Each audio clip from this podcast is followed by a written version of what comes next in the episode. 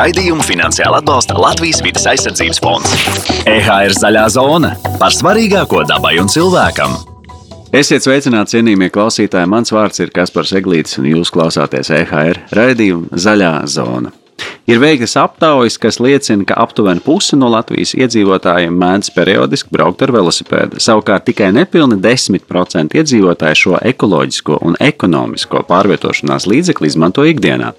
Viens no iemesliem ir ne visai piemērota infrastruktūra, otrs varētu būt tas, ka iztrūkst cieņpilnas savstarpējās attiecības ar citiem satiksmes dalībniekiem. Par to, cik droši pārvietoties ar velosipēdu pilsētā, kā kļūt par rūtītu velobraucēju neatkarīgi no laikapstākļiem un to, kā veloprieks var kļūt par darbu, šoreiz zaļajā zonā saruna ar Reini Avenu, kuram ir 22 gadu stāsts kā kurjeram, ikdienā braucot gan ar auto, gan ar velo pa Latvijas un ārvalstu ceļiem. Sveiks, Reini! Sveiki! Kā kļūt par velosipēdistu? Man liekas, ļoti vienkārši pamosties, aiziet uz šķūni, paņemt riteni, uzkāpt un braukt. Bet, nu, droši vien, ka uh, tavs stāsts ir 22 gadi. Un par šiem 22 gadiem droši vien arī tie velosipēdi ir mainījušies, ir ienākuši visādi vieglāk. Es atceros, manā bērnībā bija trīs varianti, vai četri kaut kādi bija tie.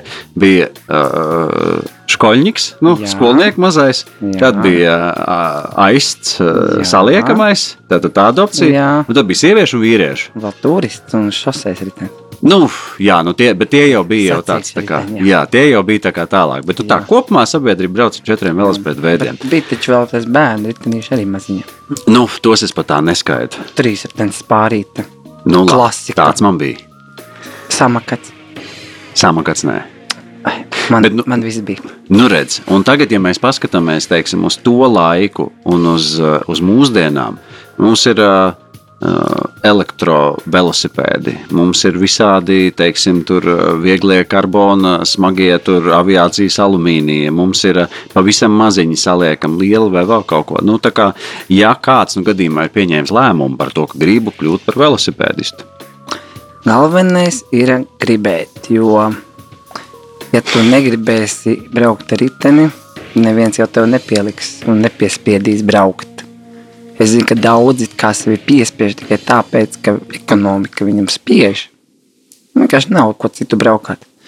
Bet es domāju, ka vajag kaut kā izbaudīt to katru braucienu. Ja tu to braucienu baudi un brauc visu ar baudu, skaties apkārt un izbaudi, tad man liekas, ka nu, kāda problēma nav. Tu vienkārši ņem, brauc. Galvenais atceries, ka nevajag nekur skriet Brauc lēnām, mierīgi, un tev vienmēr visur laiks pietiks. 22 gadu šitā. Jo. Cik dienā tu nobrauc? Nu, aptuveni no 80 līdz 100 km katru dienu. Dažreiz pat vairāk sanāk. Un brīvdienās? Un brīvdienās braucu sacensībās ar riteņiem. Tas man tā kā treniņš, apmaksāts darbs. Mm -hmm. Un nedēļas nogalē hobijs tiek izpildīts. Es pieļauju, ka tev ir vairāki velosipēdi. Man ir Jā, man ir tandēms, ir darba ritenis vasarai, darba ritenis ziemai. Tagad man vispār ir kravas ritenis, tad man vēl ir sacīkšu ritenis, priekš, tā kā priekš asfalta, tā kā priekš meža. Un tad vēl bērnam ir sievai, nu, katram savas vajadzības. Nu, lūk, es pieļauju, ka ļoti svarīgs, protams, ir velosipēda tehniskais stāvoklis. Kas ir tas, kam vajadzētu pievērst uzmanību? Nu, protams, ja mēs iegādājamies jaunu kaut kādu laiku, mēs varam braukt, bet nu, pēc laika jūtam, teiksim, nu, tur brēmas varbūt bišķiņi mazāk strādā. Kas ir, kas ir tas ideālais pilsētas komplekts, vai vismaz tāds vēlamais, lai tehniski būtu labā stāvoklī un būtu ērti pārvietoties? Priekš pilsētas runājot, ir tā, ka ir vairāki varianti. Ja tu gribi pilsētā tādu dinamisku, un lētu vienkārši, tad ir tie fiksētie riteņi vai saucamie single speed riteņi, viena ātruma riteņi. Mhm. -huh. Viņi ir viegli, ātri, maz jātērē naudas uz detaļām. Bet, ja viņš, piedod, ja viņš ir fiksēts, tad viņš ir kā spārīts, tu vari arī uz aizmuguri pabraukt. Jā, jā, jā, bet tu pierod pie tā un ir labi. Esmu braucis ar tādu arī. Mhm. -huh. Diezgan labs ritenis, ar to viņš sanāk ļoti lēts, tāpēc ļoti daudz studentu viņiem braukā. Tā kā viņš ir fiksēts, viņam arī bremzes nevajag, jo to ar kājām viņi var sabremzēt. Bet tu it kā jābūt uzmanīgam, ja tu vari dažreiz nesabremzēties. Mm -hmm. Bet e, lietošanas ziņā viņš ir fantastisks ķēde un dažreiz zobat jānomē. Viss. Min tikai. Ļoti, ļoti lēts.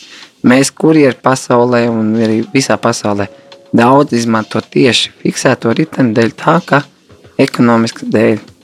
Tas ir lētākais un ātrs, lēts, vienkārši ritenis. Nu, labi. Um, kas vēl ir pa variantiem? Vēl ir varianti pilsētas riteņi tādi kā tie cilvēki, kas sēž birojos, ko var paskatīties Amsterdamā, Vācijā, Itālijā, kas brauc uz darbu un no darba. Mm -hmm. Viņi ir ērti, viņiem ir daži ātumi, ātumi rumbā, tur 3, 4, viņiem vairāk nevajag. Viņi ir smagi tie riteņi, bet viņi ir ļoti komfortabli, viņi labi ripo, bet nu, ar viņu skrieties virs 30 km/h nebūtu ērti. Mm -hmm. Tagad jau jaunākie nāk tādi paši riteņi ar elektrību, kas tā kā tev palīdz to braukt.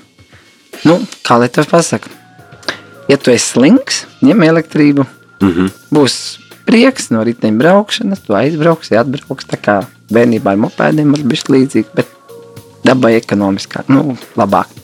Es starp citu pa ceļam uz darbu, ejot, esmu redzējis, ir viens tāds vīrietis, ka katru rītu ļoti lielā ātrumā brauc ar to elektrību. Viņš pat neminās. Es teiktu, kaut kāda 50, 60 km tādas baterijas jau- tas sakrāmēs, jau- tas jau ir kaut kas pavisam cits. Tas jau varētu teikt, zini, kā bērnībā mums bija mopēda Rīga, Delta. Tas ir kaut kas tāds pats, tikai elektriskais. Mm -hmm. Viņam jau ir motors, viņam jau ir, viņš jau, jau tā kā gāzīt dod virsū elektrisko. Var nemīties tādi, man liekas, Rīgā daži ir, bet daudz nav. Bet no tehniskā viedokļa, ā, notiecīgi labi ir šis pilsētas ā, velosipēds, ā, kur droši vien pievēršam uzmanību bremzēm, pievēršam uzmanību visiem atstarojošajiem elementiem. Jā, un vēl, ja cilvēks pērk riteni, Mhm. ko es parasti visiem iesaku, izvēlēties krāsu. It kā liekas sīkums, bet, eh, pēc veikalā riteni, izvēlēties, kurš tev pēc izskata patīk, un izbrauc obligāti pie veikala, pirms tu ar viņu brauc pēc viņu. Mhm. Jo, kad tu viņu izbrauks, tu sapratīsi to skāpi, saprati, tev patīk, kā viņš ripo vai nepatīk. Mhm. Jo katram cilvēkam kaut kāds nianses, kaut kāds sīkumiņi, un tad viņš to sajūt. Un būtu vēlams izbraukt kaut kādiem, nu, vismaz pieciem riteņiem, lai tu mm -hmm. saprastu, tev to vajag vai tev to nevajag. Veikaliem teorētiski vajadzētu dot. Viņi dod. Okay. Jā. Dod vienmēr izbraukt, pamēģināt. Un tas ir ļoti svarīgi, jo, ja tev nepatiks krāsa, to nopirks to riteni, viņš labi ripo, bet viņa krāsa tāda, ka vienmēr ies garām. Šodien es autobusu aizbraukšu. Un tad ir vēl parādījušies tādi, ar ko uh, brauc. Es skatos gan pa pilsētu, brauc arī dabā ar tādu ļoti, ļoti platu riepu. Vai tā ir vairāk modes tendence, vai, vai tur tiešām ir kaut kāda jauna funkcionāla inovācija? Tā nav nekas jauns. Viņš ir diezgan vecs. Kaut kādas jau, domāju, 15 gadu atpakaļ jau bija tādi riteņi.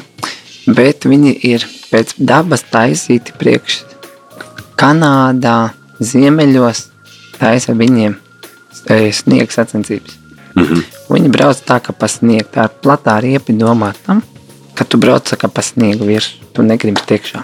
Bet teorētiski pludmalē jau arī varētu būt diezgan ērti. Jā, viņš pludmalē iet ļoti labi. un Viņš iet pa tiem bieziem sniegiem. un Viņš tā kā ir tam arī domāts, tas ritenis tā kā priekš sniegiem. Un viņi tur ziemeļos brauc tādos rīktīgos ekipējumos, un pa tiem rīktīgiem ziemeļiem var sameklēt arī sacensības, kur viņi tur brauc. Somijā, Zviedrijā viņas var izīrēt. Mm -hmm. Viņam ir speciāls trases, pa kuriem viņi braukājās.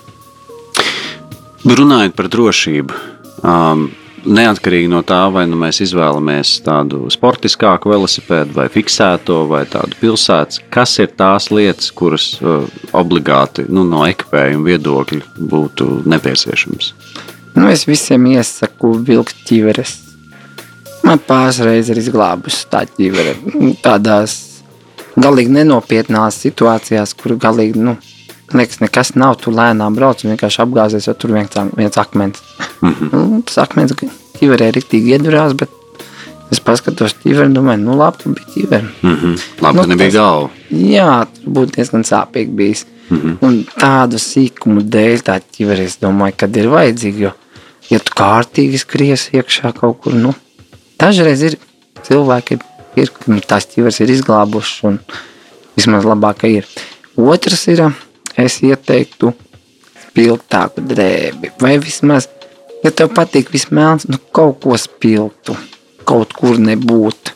Nav obligāti atstarojušais, var kaut ko nebūt arī spilgt, jo tā kā tagad vasaras beigās ir tā, ka ir tumšais, gaišais, visi uzvāk melnu un melns ritens un aiziet. Un es domāju, hm, viņš jau sevi neredz no malas. Mm -hmm. Nu, es, ka braukāju pa pilsētas, tāds daudz redzu. Viņš īsti neredz. Man liekas, autovadītāji arī varētu pateikt, cik labi viņi viņus redz. Mm -hmm. Ceļš tumsā. Mm -hmm. Tāpēc es domāju, tas ir vēl viens viedoklis. Un trešais varētu būt tas, ka domāšana, kad tu brauc pa ielu, tu atceries, ka tu esi tā kā mazas skudras starp lieliem ziloņiem. Kaut kur pabīdīsies un nepaskatīsies, kur tu ej, tev vienkārši nomīs. Mm -hmm. Viss. Man liekas, tas ir tas vispār pats galvenais. Kā ir ar šiem dažādajiem lukturīšiem, priekšā aizmugurēm, irgojošiem? Es esmu redzējis pat tādu, kur liek iekšā spieķos un tad veidojās zīmējumi, piemēram. Tad jau tās gaismas arī visādas ir pieejamas. Jo vairāk, jo labāk. Vienkārši, jo, jo tu vairāk tās gaismas saliec, jo labāk. Jo, e, es biju Vācijā. Vācijā lampiņās nedrīkst būt mirgojošas. Mm -hmm. Pie mums var būt. Es piemēram būtu par to, ka viņas ir mirgojošas, jo, kad mašīnas brauc tās sarkanās lampiņas daudz, un ja tu redz mirgojošu, tu zini, ka tu tā, tā mašīna tur kaut kur ir ritenis. Mm -hmm. Ir sevišķi tagad ziemā, rudenī, pa tiem slapdreņķiem. Tur mašīnā tu brauc, to tur viss logi slapji, tur loktīrītāji, un tu, tu nevari saprast, tu tādu pa pusē miglas bildi ir. Un ja tu redz, ka mirgošā lampiņa, tu redz, zini, ka tur ir ritenis, tu jāuzmanās, ka tuvojās. Kā tie riteņbraucēji brauc pēc tām lampiņām, es nesaprotu. Es kā autovadītājs esmu pamanījis pāris reizes, redzējis uz ielas, ir tādas lampiņas, tas nāk laikam no aizmugurējā sarkanā luktura, kur zīmē kreisajā un labajā malā tādas līnijas. Tādu tā kā zonu, un man, Jā. manuprāt, šie brīnišķīgs risinājums, tāpēc, ka tas ļoti skaidri man iezīmē trajektoriju, pa kuru man vajadzētu apbraukt. Jo sevišķi viņš var būt apģērbies melns. Es jau Jā. neredzu melns Nu jā. stūri, tur melns rokas, tur viss melns. Kā, un, Bet tu, kā ir to slapjā laikā, tu tās līnijas tur redzēji? Nu, tas gan bija sausā laikā, jā. Slapjā jā. laikā nav nācies. Bet arī sausā laikā, protams, ka būtiski. Nu, tas ir palīdz. Jā. Tas ļoti palīdz arī tad, kad ir piemēram, ļoti liels riteņbārs tumsā. Mm -hmm. lai viņi savā starpā nesaskrietos. Tās līnijas iesargā, lai tu ieturi distanci. Un kādam neuzskatīt, jo tumsā kāds piebremzē, tu jau neredzi. Mm -hmm. Tu arī reakcija ir lēnāka. Un bieži vien riteņbraucēji riteņbraucējiem vairāk saskarās nekā ar mašīnām. Cik daudz lampiņas tev pašam ir? Man ir viena uz ķīveres aizmugurē un arī viena uz, nu, divas pēc divas ķīveres, divas lampiņas, abas uz ķīveres. Priekšējā un aizmugurējā. Jo tu griezies pa kreisi un pa labi. Nē, tāpēc, kad man bija tāda situācija, es sāku strādāt kurjeru. Es uzliku lampiņu uz riteņa, ziemā, jauna. Tad laikā bija viņas dārgas, atstāja riteni un nolauzu. Mm -hmm. Atnācu mājās un domāju, nu, ko man tagad darīt. Pirkt vēl vienu, mm, vajag dārgi, tā kā nav. Kaut kur jāizliek paši tā pati. Domāju, domāju, pielikt pie ķiveres. Un tas sapratu, ka baigi ērti, jo pie ķiveres viņa ir. Tā kā, kad tu brauc, ķiveres ir visaugstākais punkts. Un to lampiņu redz virs mašīnām. Mm -hmm. Un līdz ar to, tev, ja tu mašīnā sēdi, tu redzi virs mašīnas, ka tur aiz mašīnas ir riteņbraucējs. Mm. Tā lampiņa ir lejā pie zem beņķa. To Tu neredz. jau neredzi. Mm -hmm. Man liekas, tā ideja man aizgāja. Tagad skatos, jau daudz ražotāju ražo, kad ķiverēs lampas liek iekšā. Cilvēkiem lēnāk garā arī tā domāšana aiziet. Daudzi no manis nošpikoja to ideju, un es esmu priecīgs, jo, lai tik cilvēki to dara, jo, jo vairāk to darīs, jo labāk. Jo, lai viņi visi dzīvo, nevis mums liekas, avārijas uz ielas nav vajadzīgs. Nu, redz, tavā gadījumā lampiņa, pirmā lampiņa nolūza. Nu, tā Bet, Bet, bija eh, dzīves situācija vienkārši. Un, Bet mūsdienās nu, mēs zinām, ka aizvien pastāv arī zakļi, kuri lampiņas mēdz zakt. Tā kā kas man uh, sēdekļus zog, kas zog diskus, kuriem ir ass uz, uz šī Jā. te atlokāmā fiksātora. Jā, jā. Nu, tāpēc ar tādām lampiņām arī bija tā situācija, kad uz riteņa, ar riteni atstāja, tev lampiņas nenozog. Tu viņas pēc ķīvers ir. Tu brauc ar riteni vasarā, nu, pat pa dienu, un kaut kur es aizčamājies, un es tev jābrauc mājās. Tev lampiņas nav, tev ķīvers viņi vienmēr līdzi. Mm -hmm. Tu vari vienmēr viņu ieslēgt un braukt. Cik traki ir ar uh, velo zagļiem mūsdienās? Kā lai tev saka? Mm, 90. bija traki. Mm -hmm. 90. Tu sāki beigās. 99. gadā. Jā, tas es sāku strādāt pa kuriem, bet pirms tam es jau vēl braukājos. Bet, nu, tā laikā bija diezgan traki. 90. 2000 gadu sākumā diezgan traki. Tagad man liekas, ir daudz, daudz miež, mierīgāk palicis. Ar ko tas varētu būt saistīts? Riteņu pieejamība ir ļoti liela. Mm -hmm. 90. gados nebija pilsētā riteņu stāvvietas nevienas. Tagad jūs redzat, ka viņi ir daudz, un viņas visas ir pilnas. Pie nevienas skolas nebija riteņu stāvvietas. 90. gadu beigās. Nu jā, viss pie stabiem lika. Pat pie stabiem, un pa nakti, piemēram, redzēt vecerīgā riteni. Tas bija tā, ka, ja tu atstāji tur stundu, viņš momentāli tur pazuda. Mm -hmm. Tad tagad tur es skatos, tur naktīm stāv un nekad neviens neņem. Nu, redz, bet uh, droši vien jau arī tās atslēgas, atslēga tehnoloģija jau mūsdienās arī bišķiņi ir uh, augusi. Nu, man, piemēram, man velosipēdam ir tāds, tā kā viņš pēc lineāli izskatās, tāds mm. trelok, tāds, laikam, Jā. izlokāms, tāds plāksnes. Jā, nu, man teica, ka tā esot pietiekami droša atslēga, samaksāja kaut kādus, man ne, baidos samalot, 60 eiro, laikam. Runā, ka velosipēda atslēgai vajadzētu būt pusē no velosipēda vērtības. Vai tā ir taisnība, vai kas ir tas, uz ko skatīties vispār? E, ņem riteni, kas nav ejošs e, tirgu. Nu, es domāju, tādā ziņā, ka e, zagu tirgu. Jo, piemēram, pie mums simtēk atnāk ļoti daudz tie pilsētas riteņi saucamie. Mm. -hmm. Ar viņiem cilvēki brauc, un nāk, kā Holands atnāk tie lietotie riteņi, viņiem bām. Zaglim nav izdevīgi viņu zakt. Mhm. Tāpēc, ka tas ritenis šeit maksāja 25 eiro. Mhm. 25 līdz kaut kādam 100 eiro. Kā kurš viņi tur nopērk kaut kā nebūtu tur sačibini, viņš kaut kā nebūtu kustās uz priekšu, cilvēki brauc ar viņu. Zagals viņu nozog, un viņam ir problēmas ar viņu pārdošanu. Mhm. Viņam nav jēgas viņu zakt. Nu, un arī lielāks risks pret tik mazu naudas summu. Viņam nav jēgas, viņš pat nevar notirgot. Piemēram, ja tu piemēram nopērci MTB riteni šeit, kaut kādu tā saucamo karbonu, ja, Mm -hmm. uz ielas atstāja un nozog, ok, viņš, viņam ir cena Eiropā. Tu viņu var nozagt, aizvakt, un tad tu viņu var pārdot. Bet tādu pilsētas riteni nu, nevar. Tāpēc cilvēki ir pārkāpuši tādiem vienkāršākiem riteņiem. Man liekas, tāpēc arī mazāk zog. Bet ir cilvēki, kas brauc ar smukiem, labiem riteņiem, foršiem. Tad viņi atstāja treptālu viņus. Nu, to es uzskatu par dāvināšanu. Bet, eh, nu, ja nu tomēr nu, kaut kā nodrošināties, tā atslēga, uz ko, uz ko pievērst uzmanību? Es pats braukāju šobrīd ar UV atslēgu. Mm -hmm. Saucamo UV atslēgu, tādu kriptonītu. Man viņa ļoti pagaidām nekāda problēma nav bijusi. Mm -hmm. Pirms tam man ir bijušas ķēdes, kuras ir kādas trīs pārknieptas. Mm -hmm. Ķēdēm es vairs nebraucu kopš tā laika. Un ar ķēdēm bija diezgan nērti. Viņas kaut kur jāliek, viņas tur Smagas. smagas. Un tam to UV atslēgu pie riteņa pilietas, un tev problēmas nav. Nu, baigi lēts atslēgas, arī es neieteiktu pirkt. Nu, tāds ļoti daudz paņem tāds trosīts, tā kā trosīts tāds. Mm. -hmm. Pirkt ar esam trosītu un domā, nu tā trosa man teikt turēs.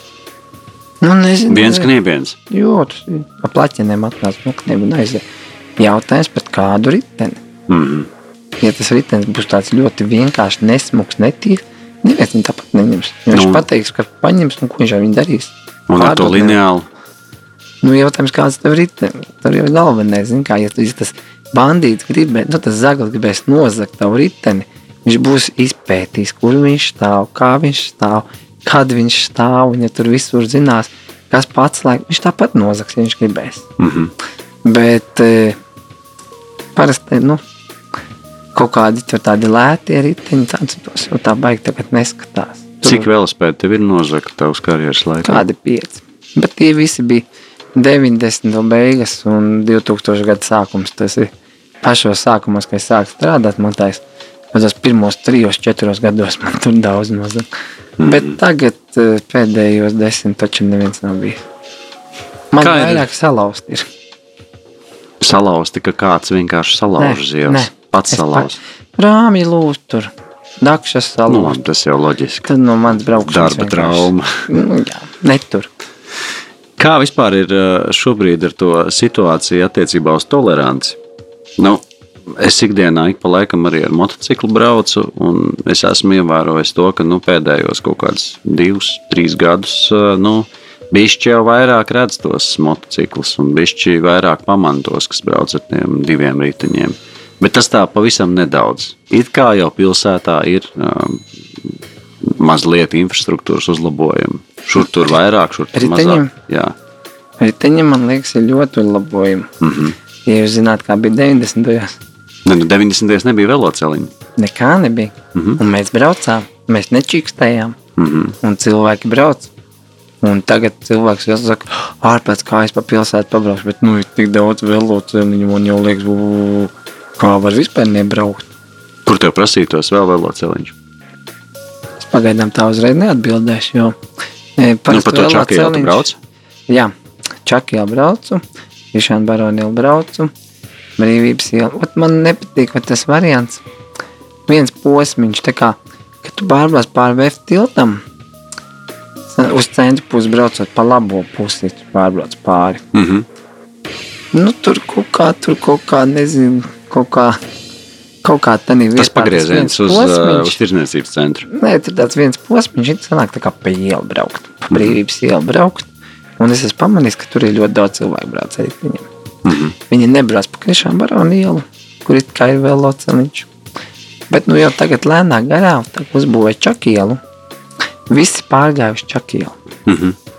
Visi aizbrauc pāri tiltam un aiziet uz čakielu, un tāpat čakielu brauc jo tur ir ļoti ātri, viegli, vienkārši. Tad pa brīvs jau tā. Krišām baronu ielu kaut kā cilvēkiem tā kā neiepatikās, es nezinu, kāpēc. Bet cilvēkiem, tu domā, velobraucējiem? Jā, vēl apbraucējums tieši domāju tādā ziņā. Varbūt tur tās tā, tā mašīna tik tuvu kaut kā, nu, tiem cilvēkiem braucējiem viņi tā kā. Nē, nu, tur jau tā josla nav definēta. Tā ir Nu, viena jā, iela visiem. nu, ja tā ir viena iela visiem, nu, tad kāds tur varbūt negrib braukt pa bruģi. Tev viens ritenis ir uz sliedes, Jā. tad tev viens ritenis ir uz bruģi. Brauc garām velobraucējs. Nu, varbūt ka kaut kur tiek, bet tad tuvojās tramvajs, kurš no aizmugures, protams, ko dara? Zvana. Nu, un tad, tu, kur tu brauc, tu brauc. Ne, b- vienā gadījumā zvana pretī, vienā gadījumā uzbrauc uz tās velojoslas. un Tad jau būtībā tev tāpatās nāks braukt uz trotuāru un tad lejā. Mm. Kas tādā ziņā čakielā ir taisna līnija, nu tik cik luksofora. Jā, Kā tu zemitānu tiltam tiec pāri? Zemi tā tiltam. Oi, tur tagad vispār nekāda problēma nav. Tur vēl loceliņš un brauc pāri. Un galvenais, Pāri pašam tiltam, Jā. tur, jo tur bija viena laika tā barģūra slēgta, ka tur īsti pa to augšu nevar iet pāri. E, Jā, bet tur vienu brīdi bija tā, ka bija tas gaita tilts. Nu, gaita trotuāri ciet. Es pirms mm -hmm. tam tāpat braucu pa ceļu vienmēr. Mhm. Un es vienmēr pārbraucu, vienmēr atbraucu. E, Ja runājot par tiltiem, visbriesmīgākais šī brīža situācija ir nu, mūsu slavenais dienvidtilts. Mhm. E, ar riteni pārbraukt pāri, nu, pāri dzelzceļam līdz e, slāvu aplis, ja? Mhm. līdz slāvu aplim no krastielas, tas posms. Tu esi tikai uz ceļa. Tur ir tikai uz ceļa mašīna. Tur vispār nav domāts par riteni. Tur vai nu ar riteni uzbrauc pa trotuāru augšā, un pēc tam ar liftu vai pa trepēm steplējām. Mhm. Pārgad augu, vai tu tā kā normāli tiec, pār daugu a uz otru pusi, tu tur tālāk nekur netiec.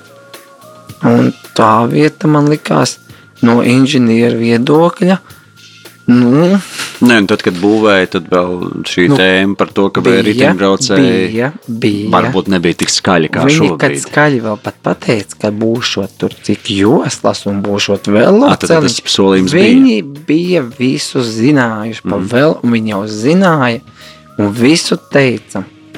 Un es domāju, nu, kur tad ir? Mēs arī uzbūvējam, mēs tagad ejam ar ritiņu, braucam, un mēs tā kā pret sienu. Tur nav kur braukt. Kā tantiņām ar ratiņiem? Nu, tik jau liftu laisties lejā. Un iedomājies, brauc pāri tam tiltam, grupa ritiņiem. turistu grupa 20 cilvēku. Mhm. Kā? Kā viņiem pārbraukt tam tiltam pāri? Mēs viens ritenis nokrāmēts ar somām ir aptuveni nu, līdz 50 kg. Pa trepēm stiept lejā, ar to liftu pa vienam braukt lejā augšā. Tur būs stunda. Jā, nu tad piedodiet atvainot. Tad ko tie inženieri tur uztaisīja? Mašīnām tur ir ļoti labi uztaisīts. Mhm. Bet riteņiem tur nav nekā. Pilnībā. Tur ir viens vienīgs tupiks. Kā tev šķiet, um, Abos virzienos. autobraucēji kļūst tolerantāki? Bet riteņiem? Jā. Jū. Daudz. Nu, cik bieži tu ikdienā saskaries ar tādu agresiju? Agresīvu. Nu, jā. Neviens netaurē. Pataurē. Ko tu tur pamāja rociņu. Jā, Pazīts. bet nu, salīdzinot ar 90. beigām. Nezinu, es varbūt tāds cilvēks esmu, kurš tā kā neuzprasās uz nepatikšanām. Un tā kā izvairās no visiem, un tā kā cenšos ar visiem sadzīvot, jo es skatos, ja kāds brauc, es vienmēr viņu palaižu. Kāpēc man vajadzētu līdz zem riteņiem un tagad teikt, ziniet, atvainojiet, es te esmu tagad galvenais, jūs man te visi ejiet malā. Nu, Nē, bet ir kas tā dara. Ir, Nu. ir protams, ka atsevišķi cilvēki, kas grib pievērst uh, Rīgai, nu, kā zaļai, uh, zaļākai vietai uzmanību, un tad apzināti provocē, kā bet šeit ir sabiedriskā transporta josla. Tagad es braukšu pa šejienu, un es braukšu pa vidu. Es, jo es to drīkstu darīt pēc ceļa satiksmes noteikumiem. ja tu tā drīkst darīt, nu, tad tu brauc un ko tu tur ar to panāksi? Nu, tu panāksi sastrēgumu aiz sevis, tu panāksi to, ka autobuss varbūt nokavēs kaut kādu, kas arī ir pietiekami zaļi, nokavēs savu, savu um, nu, gala mērķi. Nu, es domāju, ka viņš panāks agresiju pret sevi. Bet, ja tu dabūtu veidu, kā nevis pret sevi agresīvu, bet pret tevi, lai cilvēki priecājās, tu viņus palaid garām, viņi teikt, o, kāds forši ir tiem braucējs, mani palaidi, viss baigi forši. Un viņš vienmēr braukšot atkal man garām, viņš man pamās un teikt, baigi forši, paldies tev. Un es zināšu, ka viņš vienkārši brauc, jo man jau darbs ir tas, kurš man neļauj visādi agresīvi pret sevi griezt. Jo es šeit strādāju, tā ir mana maize. Un, ja es vienkārši savā vietā, kur es strādāju, pelnu naudu, taisīšu kaut kādas tur blēņas vai vēl kaut ko, man tas nāks atpakaļ ar to, ka es pēc tam nevarēšu strādāt. Man tas ir ļoti svarīgi. Cik ir tālākais gabals, cik tu esi nobraucis? Nu, tādā vienā pūtienā, tā teikt. Tu domā tā kā par Rīgu vai ārpus Rīgas? Vispār ar velosipēdu no A līdz Z. Jā, jā, man Nu, nedēļas nogalē es tur satiku vienu grodznieku. Viņš saka, nu, viņš tur līdz kurzemē līdz ir, ir aizminis vienā desmit stundas braucis no Rīgas līdz Jūrkalnai nobraucis. Nu, es neesmu aizrāvies ar tādām lietām, kā braukt no, piemēram, no Rīgas Val. Es esmu braucis uz Rīgas valmiju, Rīgas pļāviņas, esmu braucis turismu braucienās, pa, piemēram, pa Lātgali, nu, bet tur lēnā, mierīgā režīmā. Bet man ir, es esmu piedalījies sacensībās, piemēram, Igaunijā ir tāda hāņa 160 km. Mhm. Tas ir, ir tikai meža taciņas un 8 stundas. Un tur es dabūju pēdējo reizi otro vietu. No pirmās vietas 6 sekundes pietrūka. Mēs visu sacensību 8 stundas cīnījāmies. Bet tas bija tāds nu, uz ātrumu, tāds ļoti grūts. Un vēl es esmu piedalījies 24 stundu sacensībās. Tas jau gandrīz tāds velosipēdu ultramaratons. Nu, 24 stundas pa mežu un pa apļiem. Tad tu tur riņķo visu laiku. Mm. Ar tām es esmu nu, diezgan noriņķojis. Un, nu, ja vēl runā par tādu distanci, ko es esmu, lielākā distance, ko es īsākā laikā esmu nobraucis, sanāk ir Somijā.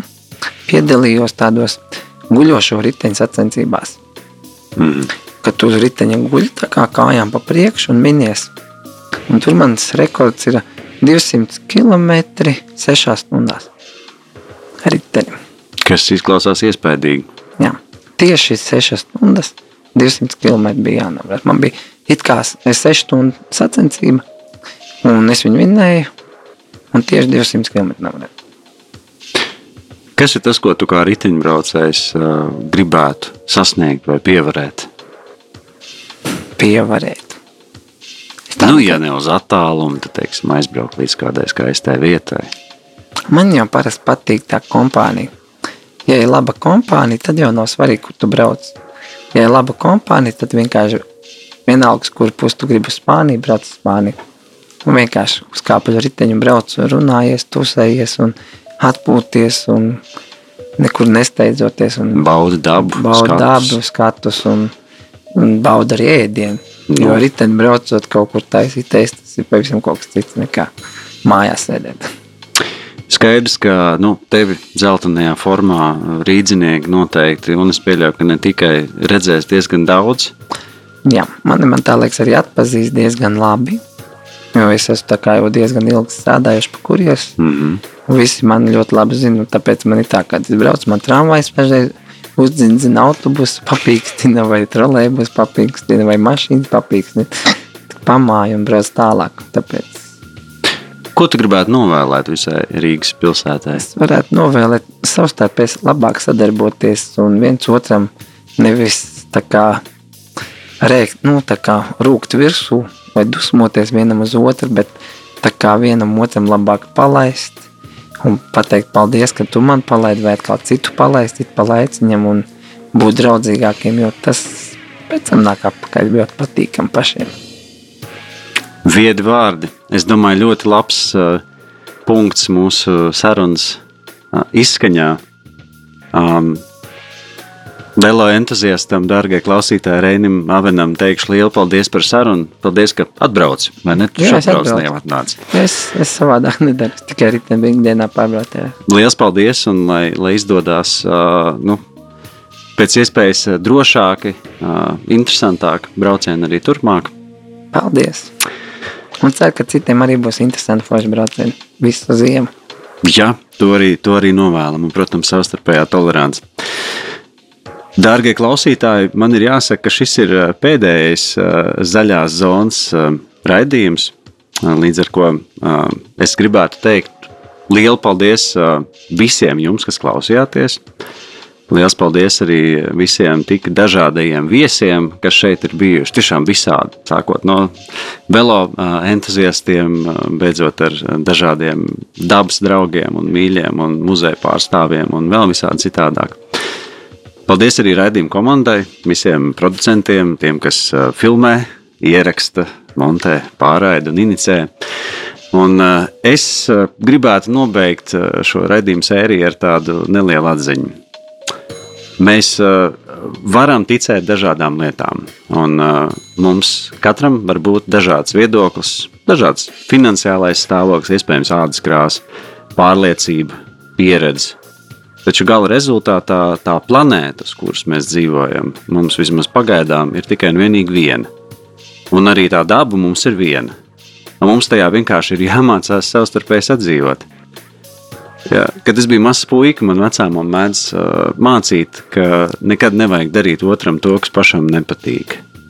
Un to es novēlu arī mums visiem uh, mācīties pieņemt atšķirīgo un nedarīt pāri ne tikai dabai, bet arī viens otram. Ar to arī es, kas par Seglīts, saku jums lielu paldies un lai mums visiem izdodas. Raidījumu finansiāli atbalsta Latvijas vidas aizsardzības fonds.